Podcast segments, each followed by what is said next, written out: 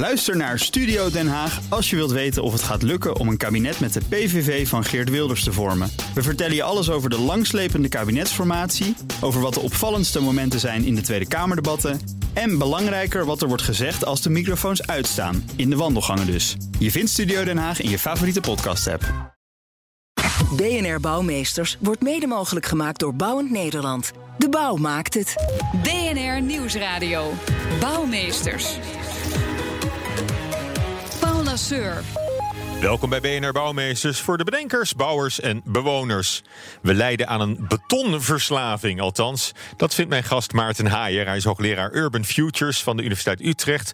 En hij houdt zich bezig met duurzame wijken van de toekomst. En vindt dat we ecologisch verantwoord moeten gaan bouwen. Er is namelijk helemaal geen discussie over bouwmaterialen in Nederland. Het is gewoon beton, dat zegt hij. En architect Jan Nauta, die is ook wars van beton. Dat is mijn tweede gast. Hij ontwierp een huis met hout dat vijf keer sterker is dan beton. Dus het kan wel. Maar is beton eigenlijk wel zo slecht? Want we bouwen er toch al jaren mee. Bij koepelorganisatie Het Betonhuis zijn ze, en hoe kan het ook anders, nog altijd erg enthousiast over cement en beton. Maarten en Jan, allebei bij mij in de studio. Hartelijk welkom. En zoals altijd beginnen we met uh, bouwnieuws. Uh, Maarten, uh, voordat we gaan praten over het, de slechte eigenschappen van, van beton en hoe we onze wijken van de toekomst moeten inrichten, heb je ook bouwnieuws, of eigenlijk meer sloopnieuws voor ons uit, uit de NRC. De Tweebosbuurt in Rotterdam, die gaat tegen de vlakte. En waarom wilde je het daarover hebben? Uh, ja, ik vond het een interessant uh, bericht. Er is veel onrust. Uh, daar worden sociale woningen afgebroken. En die moeten plaats maken voor minder uh, woningen voor, een, uh, voor de middenklasse. En ik vind dat een voorbeeld van de oude discussie. Want uh, de discussie moet niet gaan over minder wonen in de stad. Er moet meer gewoond worden in de stad. Mensen willen wonen in de stad. Andere mensen willen er niet weg. En daar zijn allerlei mogelijkheden voor. Dus we moeten zorgen dat die wijk veel leefbaarder wordt. Maar dat eigenlijk de groep die er zit kan wonen. En dat er heel veel mensen bij kunnen komen. Ja. Je vindt eigenlijk dat we dichter op elkaar kunnen gaan wonen? Als je op de kaart kijkt waar deze wijk is, het is de Afrikaanderwijk. Het ligt echt uh, in het hartje van Rotterdam. Als je daar niet wat hogere dichtheden gaat halen, dan, uh, dan, dan, dan, zijn we echt aan het klunzen. Ja. Dan zijn we echt aan het klunzen. Dat is ja. een goed punt. Uh, goede discussie, denk ik ook. Maar daar moeten we het een andere keer over hebben. Jan, jij wilde het hebben over de verbouwing van het Binnenhof. Er is natuurlijk veel om te doen geweest. De architect is afgekocht, de architect is boos. Haalt in de kranten dan uit naar de politiek. Wat, wat kan je daar nou, nou van zeggen nog? Nou, nog niet heel veel, maar deze week hebben we eindelijk wat beeldmateriaal uh, in kunnen zien. En daarin zie je hoe sober en doelmatig het plan van OMA daadwerkelijk was. En dat daar zo'n Want dat was de kritiek, hè? Het, het, zou veel te megalomaan zijn en, ja. en, en groot, maar dat, en dat, dat lijkt absoluut dus. onzin te ja, dat is onzin. Ja, dat lijkt het geval te zijn. Nou ja, dus wat ik er heel pijnlijk aan vind, is dat uh, ja, toch best wel een populistische zet uh, uh, blijkt gedaan te zijn. Door de architect eventjes als elitair en van grootheidswaanzin. Dat is ook zo'n stokpaardje van Thierry Baudet, toch? Over, over de architecten die ons land zo lelijk maken. Ja, die heeft een hekel aan Remco ja. ja, hè? maar goed, maar dat is. ja, hoe, hoe zal dat, hoe zal dat aflopen? Ja, nou, uh, het is natuurlijk interessant. Want op zich er is al een, een afkoopsom betaald. Doen, ja. Is de architect die het ding 30 jaar geleden heeft ontworpen. En die heeft dus een gebouw uh, neergezet wat nu 500 miljoen nodig heeft om, uh, om te blijven functioneren. Dat lijkt me niet de meest gekwalificeerde nee. persoon om wederom een opdracht te krijgen. Nou ja, we zullen het, we zullen het wel zien. We zullen er wel genoeg uh, kunnen nog hoop plezier aan beleven, volgens mij, aan, dit, ook, uh, aan ja. dit, project. Ja. Dan de uh, betonverslaving. Hè. Daarvoor zijn we bij elkaar vandaag. Maarten, jij was jarenlang directeur van het Planbureau voor de Leefomgeving. Je werkt nu bij de Universiteit Utrecht. En je denkt na over hoe we onze wijken duurzaam kunnen ontwerpen en inrichten. En daarbij is beton jou een doorn in het oog. Waarom? Ja, ik vind het grappig dat we. De we hebben, jungle, hè? Dat is, uh... We hebben het over van alles, maar niet over een van de meest urgente kwesties. Waarmee bouwen we nu eigenlijk? Uh, staal cement, beton, dat, uh, dat zijn de grootste bronnen van CO2. Ook gewoon in het chemisch maken van beton komt CO2 al vrij. Het productieproces. Het productieproces. En bij transport naar de bouwplaats. Inderdaad. En uh, nou, we kennen allemaal het beeld van betonmolens die door onze straten rijden. Dus die hebben ook nog eens enorme productie van diesel. Die hebben drie assen, dus dat is allemaal hartstikke zwaar. en we komen daar maar niet van af. Dus overal waar gebouwd wordt, het eerste wat je ziet is die mal. En het tweede wat je ziet zijn die karkassen van beton. Overal in Nederland, als je er kijkt, staan betonfabrieken die draaien en die blijven nog draaien Totdat wij zeggen, ja jongens, er zijn alternatieven, we moeten het roer omgooien.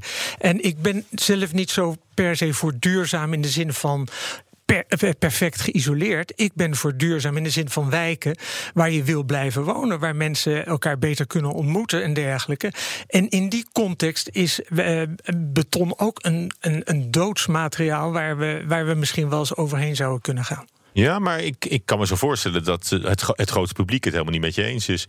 Of dat, dat die zich die vraag helemaal niet stellen. Van, van zitten we wel goed met dat beton? En de hele bouw, de, de sector, die, die weet ook niet beter. Uh, nee, maar dat is echt een probleem. De sector die, uh, moet beter weten en als samenleving al helemaal. Want laten we niet vergeten dat 40% van het bouwvolume van 2050 mondiaal moet nog worden gerealiseerd. Als we dat doen met beton en staal, ja, dan kunnen we gewoon alleen al voor het bouwen kunnen we het 2 graden doel vergeten. Daar bouwen we dwars doorheen. Dus, uh, en die innovatie gaat niet komen uit Ethiopië, zou ik maar willen zeggen. Ja. Dus als Nederland een beetje voorop wil lopen, dan zou ik zeggen, laten wij onze knappe koppen en de sector en uh, de, de, de, de, de makelaars bij elkaar zetten om die nieuwe producten af te zetten. En het goede nieuws dan is dat die alternatieve producten er zijn en dat die ook nog eens gretig aftrek vinden. Ja. Nou, en dat het kan, hè? In, uh, in houtbouwen bijvoorbeeld, bewijst uh, Jan Nauta ook hier. Hè? Je bent architect. Uh, in hoeverre kun je nou betonvrij ontwerpen? Zijn daar beperkingen aan? Of, of ben je eigenlijk wel aangewezen op beton? Nou, zeker in een drassig klimaat als Nederland is beton wel heel geschikt uh, materiaal om funderingen mee te maken. Mm. Um, dus ik denk ook niet dat we helemaal van beton af moeten. Maar de mate waarin we het gebruiken, die is absurd. Je, we trekken rijtjeshuizen van uh, twee verdiepingen in de polder op, uh, dikke betonnen wanden. Dat is helemaal niet nodig. Ik vind het heel goed te verantwoorden dat je die begane grondvloer ermee doet. Die gaat lang mee en die, daar komt het materiaal tot zijn recht. Maar ja, je kan, je kan dus fors terugdringen. Ja, dus het kan, het kan een heel stuk minder. Want, uh, maar, er is, maar er is eigenlijk helemaal geen discussie hè, over dat, dat massale gebruik van, van beton voor eigenlijk alles. Nee, nou je krijgt je, in de architectenwereld zie je nu dat uh, dat, uh, dat wel hip gevonden wordt. Hè. Dus we hebben in Amsterdam hout, wat nu naar boven komt. Is een, vlakbij het Amstelstation. Er komt een project aan de Zuidas. Maar kijk, over de plas in Canada, ook niet toevallig natuurlijk, daar is veel hout. daar staan in Scandinavië heb je ook al die houten. Zeker het hoogste gebouw staat eh, in eh, Noorwegen, 85 eh, meter hoog. Is volledig uit hout opgetrokken. Dus in die zin moeten we misschien ietsje meer over de grens kijken. Ja. Nou, we kunnen ook in Friesland kijken, in, in, in, nabij Oudega, het huis aan het meer. Dat heb jij ontworpen, Jan. En daarbij heb je beton volledig laten liggen. Je hebt het gebouwd voor, voor je ouders. Het is het familiehuis hè, aan, aan, aan, het meer daar. Ja, nou, verslaggever Jikal Krant die nam daar vast een kijkje en die sprak met je ouders. Hoe heet dit meer? Oudegasterbrekken. Een van de Friese meren. En daaraan staat een uh, houten huis. Wat is dit nou voor een hout? Vuurhout. Het hout dat je ook bij de IKEA ziet. Ja, nou, dit is eigenlijk IKEA-hout. Dus de buitenkant, dat is de mantel. En de, de binnenkant, dat is zogenaamd kruislingsgelamineerd hout. Wij wilden heel graag een houten huis. Omdat dat naar ons gevoel goed aansluit bij de natuur hier om ons heen. Zowel aan de buitenkant, dat het opgaat in het landschap, als vanuit binnen. En we gaan nu naar binnen? Oh ja, dit is echt uh, ja, een soort, ik hoop dat ik u niet beledig, maar een soort blokhut. Ja, nou ja, ja, blokhut ziet er weer anders, constructief anders uit, maar de sfeer is het wel, ja. Oh, kijk, we komen nu de keuken in. Behalve hout zit er ook heel veel glas in. En het is bijna alsof je buiten staat. En daar op het meer komt een uh, zeilboot voorbij. Een skutje. Ja, nou, ik noem het een valk. Er komen ook wel skutjes langs. Ja, ja het panorama is wijd, is prachtig. En het hout is heel mooi, alleen ik vraag me dan wel af, is dat niet hartstikke brandgevaarlijk? Hout is natuurlijk brandgevaarlijk, maar het is vergeleken met vroeger hebben we natuurlijk geen, eigenlijk geen open vuren meer in zo'n huis. En we hebben ook geen gas, dus de, het risico op brand is wel bijzonder klein. En daarnaast zijn er natuurlijk enorme voordelen van hout. De uitstraling, zowel van binnen als van buiten.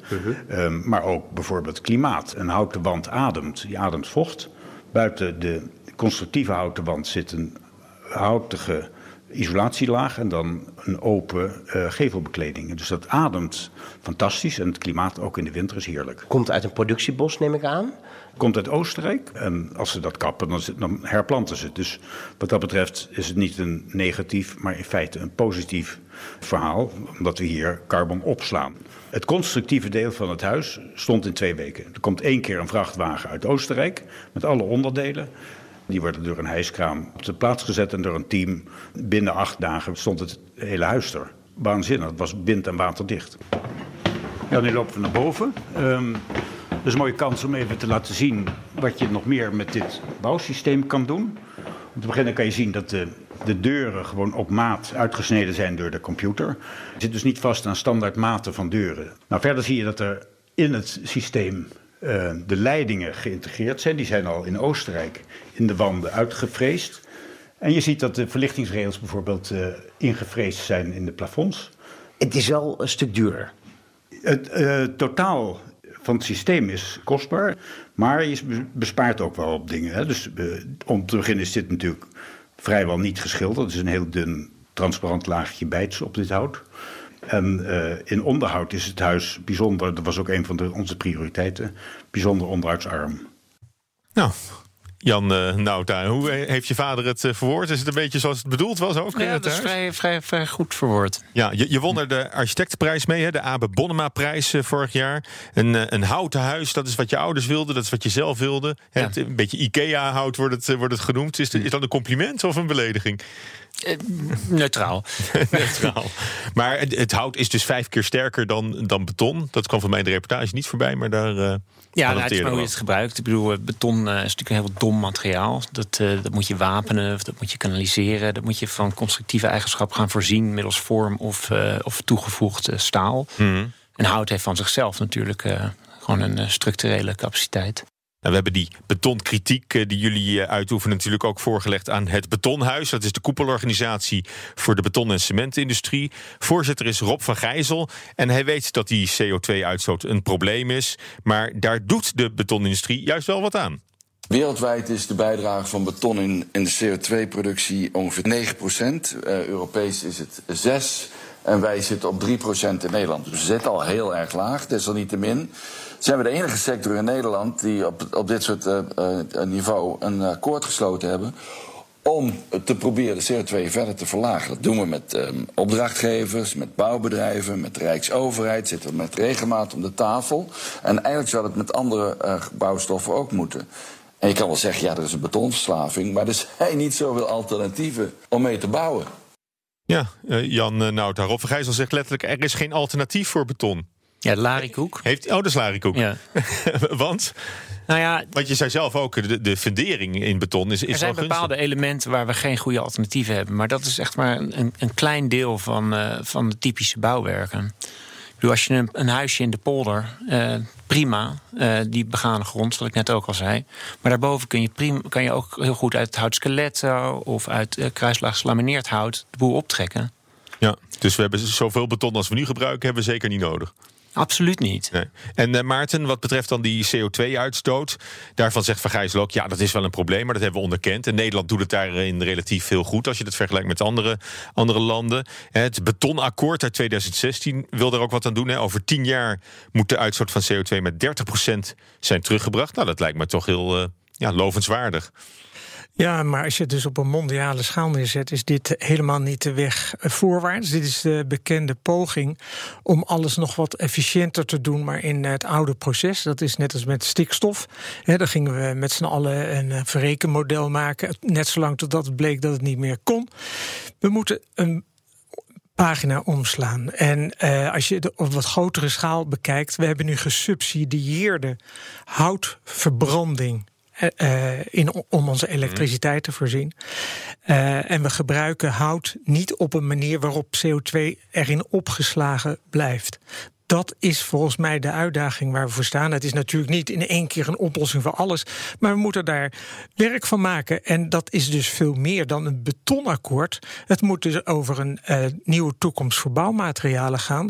En er moeten nieuwe partijen een belangrijkere rol in krijgen. Want het is ook zo banaal dat al die betonfabrieken die er nu staan, die zijn natuurlijk nog niet afgeschreven. Gaat die betonsector dan, voordat die fabrieken afgeschreven zijn, iets anders doen? Nee, die gaan zeggen we gaan het efficiënter doen. Hooghoven zegt ook, we gaan met minder CO2 werken. Ja, dat zijn de verhalen van de mensen die een belang hebben, begrijp ik allemaal, in beton en, en staal. Maar wij moeten denk ik na gaan denken over bosbouw. Uh, dus bosbouw niet alleen voor romantiek van de boom, wat overigens ook heel erg belangrijk is, maar gewoon als materiaal. Hm. En ook om na te denken hoe we zorgen dat, men, dat het materialen van dichterbij komen. En dat we, uh, dat we dat ook op zo'n manier gebruiken dat het weer een aangename woning oplevert. Een 21ste eeuwse woning. Want die moeten echt anders gaan uitzien dan de woningen van de 20ste eeuw. Ja, we moeten echt afkicken van het, van het beton. Maar uh, Van Gijssel die vindt ook dat het materiaal gebruikt moet worden waar het geschikt voor is, hè, beton. Dus deuren en kozijnen moet je echt van hout maken. Die kun je niet van staal of van beton maken. En als je brugconstructies wil maken, die moet je wel van staal maken. Maar in heel veel gevallen is beton echt de ver weg de beste oplossing. En het is 100% herbruikbaar. Ja, en die CO2, daar werken we aan. Dat is ook nog wel een uitdaging overigens. Want we kunnen best andere materialen, andere windmiddelen doen. Maar dan moet de Rijksoverheid ook wel haar wet en regelgeving daarvoor aanpassen, bouwbesluit. Daar zijn we over in gesprek. Maar al met al denk ik dat in de meeste toepassingen beton toch wel het meest milieuvriendelijk en het makkelijkst toepasbaar is. En het goedkoopste is om mee te bouwen. Ja, ik, ik zie jullie beide een beetje een, een wenkbrauw eh, optrekken. Hè? Vooral dat het 100% recyclebaar is. Ja. Daar ben je niet mee eens, eh, Jan? Nee, dat, dat, dat, dat klopt gewoon niet. Dat is een beetje een uh, afleiding. Als je beton opnieuw gebruikt, dan moet er klinker bijgevoegd worden. Mm En dat is nou net het, het goedje wat, uh, wat zo milieubelastend is in de productie. Het is een ja. windmiddel. Maar goed, snelwegen, kan ik me voorstellen, ligt toch voor dan dat je die van beton maakt voorlopig nog? Of is daar een redelijk alternatief voor voorhanden? Nou, volgens mij maken we snelwegen van asfalt. Maar uh, er zijn natuurlijk tal van toepassingen waar je 1, 2, 3 uh, niet over na moet uh, denken. Maar laten we nou beginnen waar het om gaat. Er is een grote woningbouwopgave. En Kijk uit uh, het raampje van je auto en je ziet precies dan, dan hoe het, het over, over, die 1 miljoen woningen die in 2040 moeten zijn bijgebouwd. Al 20 jaar op dezelfde manier gebouwd. Het, het, het karkas is identiek en uh, de architect die wordt gevraagd om er een jasje omheen te hangen. Daar, daar moeten we echt beter gaan doen. En mijn idee is met name, uh, nu veel mensen in de stad willen wonen, dan moeten we dat ook aangenamer maken. Het moet minder hard worden. Die steden moeten koeler mm. worden. dat kan ook door, door veel meer bomen in de stad toe te voegen. Maar zeker ook door gebouwen te maken die misschien wat hoger zijn dan nu. Ik denk aan een, laag, een bouwlaag of 5, 6. Mm. En, maar dan op zo'n aangename manier vormgegeven dat mensen daar graag wonen. En dat is veel lastiger in beton. Want ja, dan loop je inderdaad weer tegen het stikstof aan. Om daar uh, naar zo'n bouwplaats te gaan, dat kost maanden. Ja. En dat kost maanden stof. En dus gaat er niks gebeuren. Nou, het, wat Jan net vertelde over uh, zijn eigen woning, is dat je dat in twee weken in elkaar hebt gezet. Dat, dat is dus de combinatie van digitalisering en innovatieve architectuur. In die zin is beton echt een beetje 20ste eeuws. Ja. Nou goed, maar je kan er ook met, uh, met prefab uh, werken. En dan kan je het wel bij de fabriek maken en dan, dan pas transporteren. Daar wordt, het, wordt het ook al efficiënter van in zekere zin. Maar eigenlijk ben je dan toch nog bezig achteruit te innoveren, uh, denk ik. Ehm, je moet het ook wijkgewijs benaderen. Dat is eigenlijk ook wat, wat, wat jij zegt. Je schrijft ook een boek over de wijken van de toekomst. Het moet begin volgend jaar uitkomen. Maarten, een van de voorbeelden die je aanhaalt is een wijk in Toronto, Regent Park. Waarom is dat een, een, een typische voorbeeldwijk uh, voor, voor jouw verhaal? Ja, nou kijk, wat ik, dat, dat sluit echt aan bij dat nieuwsitem wat ik uh, net bracht. Dat was een, een, wijk aan La Bijlmer. Uh, en die, die was onleefbaar geworden. En toen hebben ze eigenlijk gezegd: ja, we willen niet dat de mensen die daar nu wonen, dat die daar niet kunnen terugkomen. Ze hebben iedereen een terugkeergarantie gegeven. En ze hebben een derde aan bouwvolume toegevoegd. En met, met al die premiewoningen hebben ze dus uh, dat ook gefinancierd. En dat is dus nu een wijk die gemengd is. Dus en maar is, is het ook belangrijk dat, dat het die sociale component heeft? Ik vind dat we, dat we een grote fout zouden maken als we alleen bijvoorbeeld streven naar aardgasvrije wijken. Hm. Ik, ik denk dat we moeten streven naar hoge kwaliteit stadswijken die heel leefbaar zijn. En kijk, goede wijken die, die leven 100, 150, 200 jaar Denk aan de grachtengordel, denk aan, aan Parijs. Dat, en, en, en dat zijn we kwijtgeraakt. Dat, dat, die finesse om, om stedelijke structuren te ontwikkelen die iedere keer op een nieuwe manier kunnen worden gebruikt. Dat is de uitdaging. En op het niveau van een wijk vind ik heel mooi, omdat mensen dat ook begrijpen. Dan kunnen ze meedenken over waar wil ik de school, waar wil ik wonen, waar wil ik eh, mijn, on, uh, mijn, mijn boodschappen doen. Maar zal het ooit zonder beton kunnen? Wat denken jullie en op welke termijn? Dat kan vandaag. We kunnen vandaag stoppen met die achtelijke betonverslaving. Ja. Maarten, jij ook? Nou ja, ik denk dat we Ja, dat. heel kort hoor. Ja, nee, we moeten, als we daar nu met, eh, niet mee gaan experimenteren, dan gebeurt er niks. En wij zijn echt degene die dat zouden moeten doen in Nederland. Nou, hartelijk dank ook eh, voor jullie toelichting eh, daarop. Eh, dank voor dit gesprek. Maarten Haaier, hoogleraar Urban Futures aan de Universiteit Utrecht. En architect Jan Nauta. Dank jullie wel. Dank. BNR Bouwexpo. Zoals elke week eindigen we met de Bouwexpo. Redacteur Judith Lane. Judith, je was dit weekend in het nieuwe gebouw van Naturalis in oh, Leiden. Oh mijn god, Paul. Het was zo gaaf. Oh ja? je bent ook erg enthousiast. Ik, ja, zie je stralen. Het, maar, was eh, fantastisch. Ik bedoel, wat- soms loop je gebouw binnen en dan weet je het gewoon. Nou, ehm, vooral eh, dat het zo groot was. Dus dat je een enorme hal binnenloopt. Echt alsof eh, inderdaad je in een museum in het buitenland staat. Oké, dus on-Nederlandse proporties. ja, bij- bijna on-Nederlands goed. Wat we eigenlijk niet mogen zeggen. Maar, eh, Maar want- denk, je dat, denk je dat de oorspronkelijke architect ook zo tevreden is met wat het eh, geworden is? Nou, nee, nee, ik denk het niet. Sterker nog, die is eigenlijk wel heel boos geweest. Fons Verheijen is dat. Die ontwierp het in 1998. Eh, die, kreeg de, die spannen een rechtszaak aan. Want die zei, hey, verbouwen leuk, maar dat is schending van mijn auteursrecht. Ehm, nou Hij ja, heeft wel een punt natuurlijk. ja, deels. En nou ja, dat heeft hij, die zaak heeft hij gewonnen. hij kreeg anderhalf miljoen euro trouwens van Oh. Naturalis. Oké, en van het Ja. oude gebouw, als je er nu voor staat, zie je gelukkig niks meer. Nee, als je aankomt lopen, dan eh, zie je dus eh, eh, vier eh soorten dozen die soort schuin op elkaar geplaatst zijn. Dus met heel hoekig komt het je, je gezichtsveld binnen. En dat zijn een soort lage aarde op elkaar gestapeld. Althans, aan de buitenkant lijkt dat zo. En dat komt omdat de buitenkant heel mooi bekleed is. Met, en dat heb ik ergens opgeschreven. Travestijn. Ook een beetje met aardtinten, hè? Dat is Ja, met aardtinten. bruinig. Het, oh, sorry, travertijn heet dat. Eh, er zitten kristallen en fossielen in. Dus dat is een soort rood-bruin en dat is echt super mooi. En eh, dat wordt er afgewisseld met, ja, ik ga het toch zeggen jongens, beton.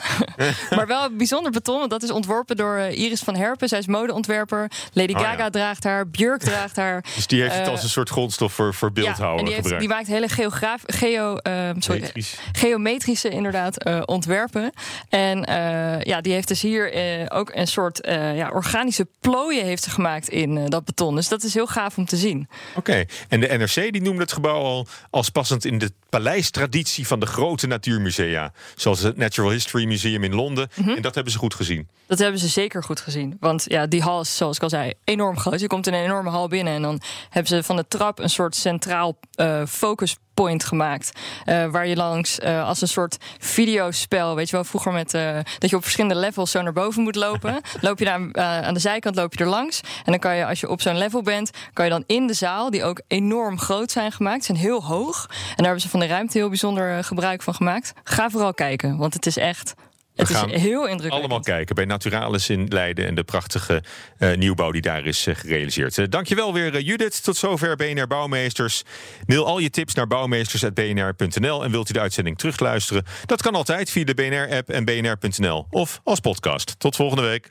BNR Bouwmeesters wordt mede mogelijk gemaakt door Bouwend Nederland. De bouw maakt het. Bij BNR ben je altijd als eerste op de hoogte van het laatste nieuws. Luister dagelijks live via internet. Bas van Werven. En heel langzaam komt de zon op rond dit tijdstip. Je krijgt inzicht in de dag die komt op BNR, het Binnenhof in Nederland en de rest van de wereld. De Ochtendspits. Voor de beste start van je werkdag. Blijf scherp en mis niets.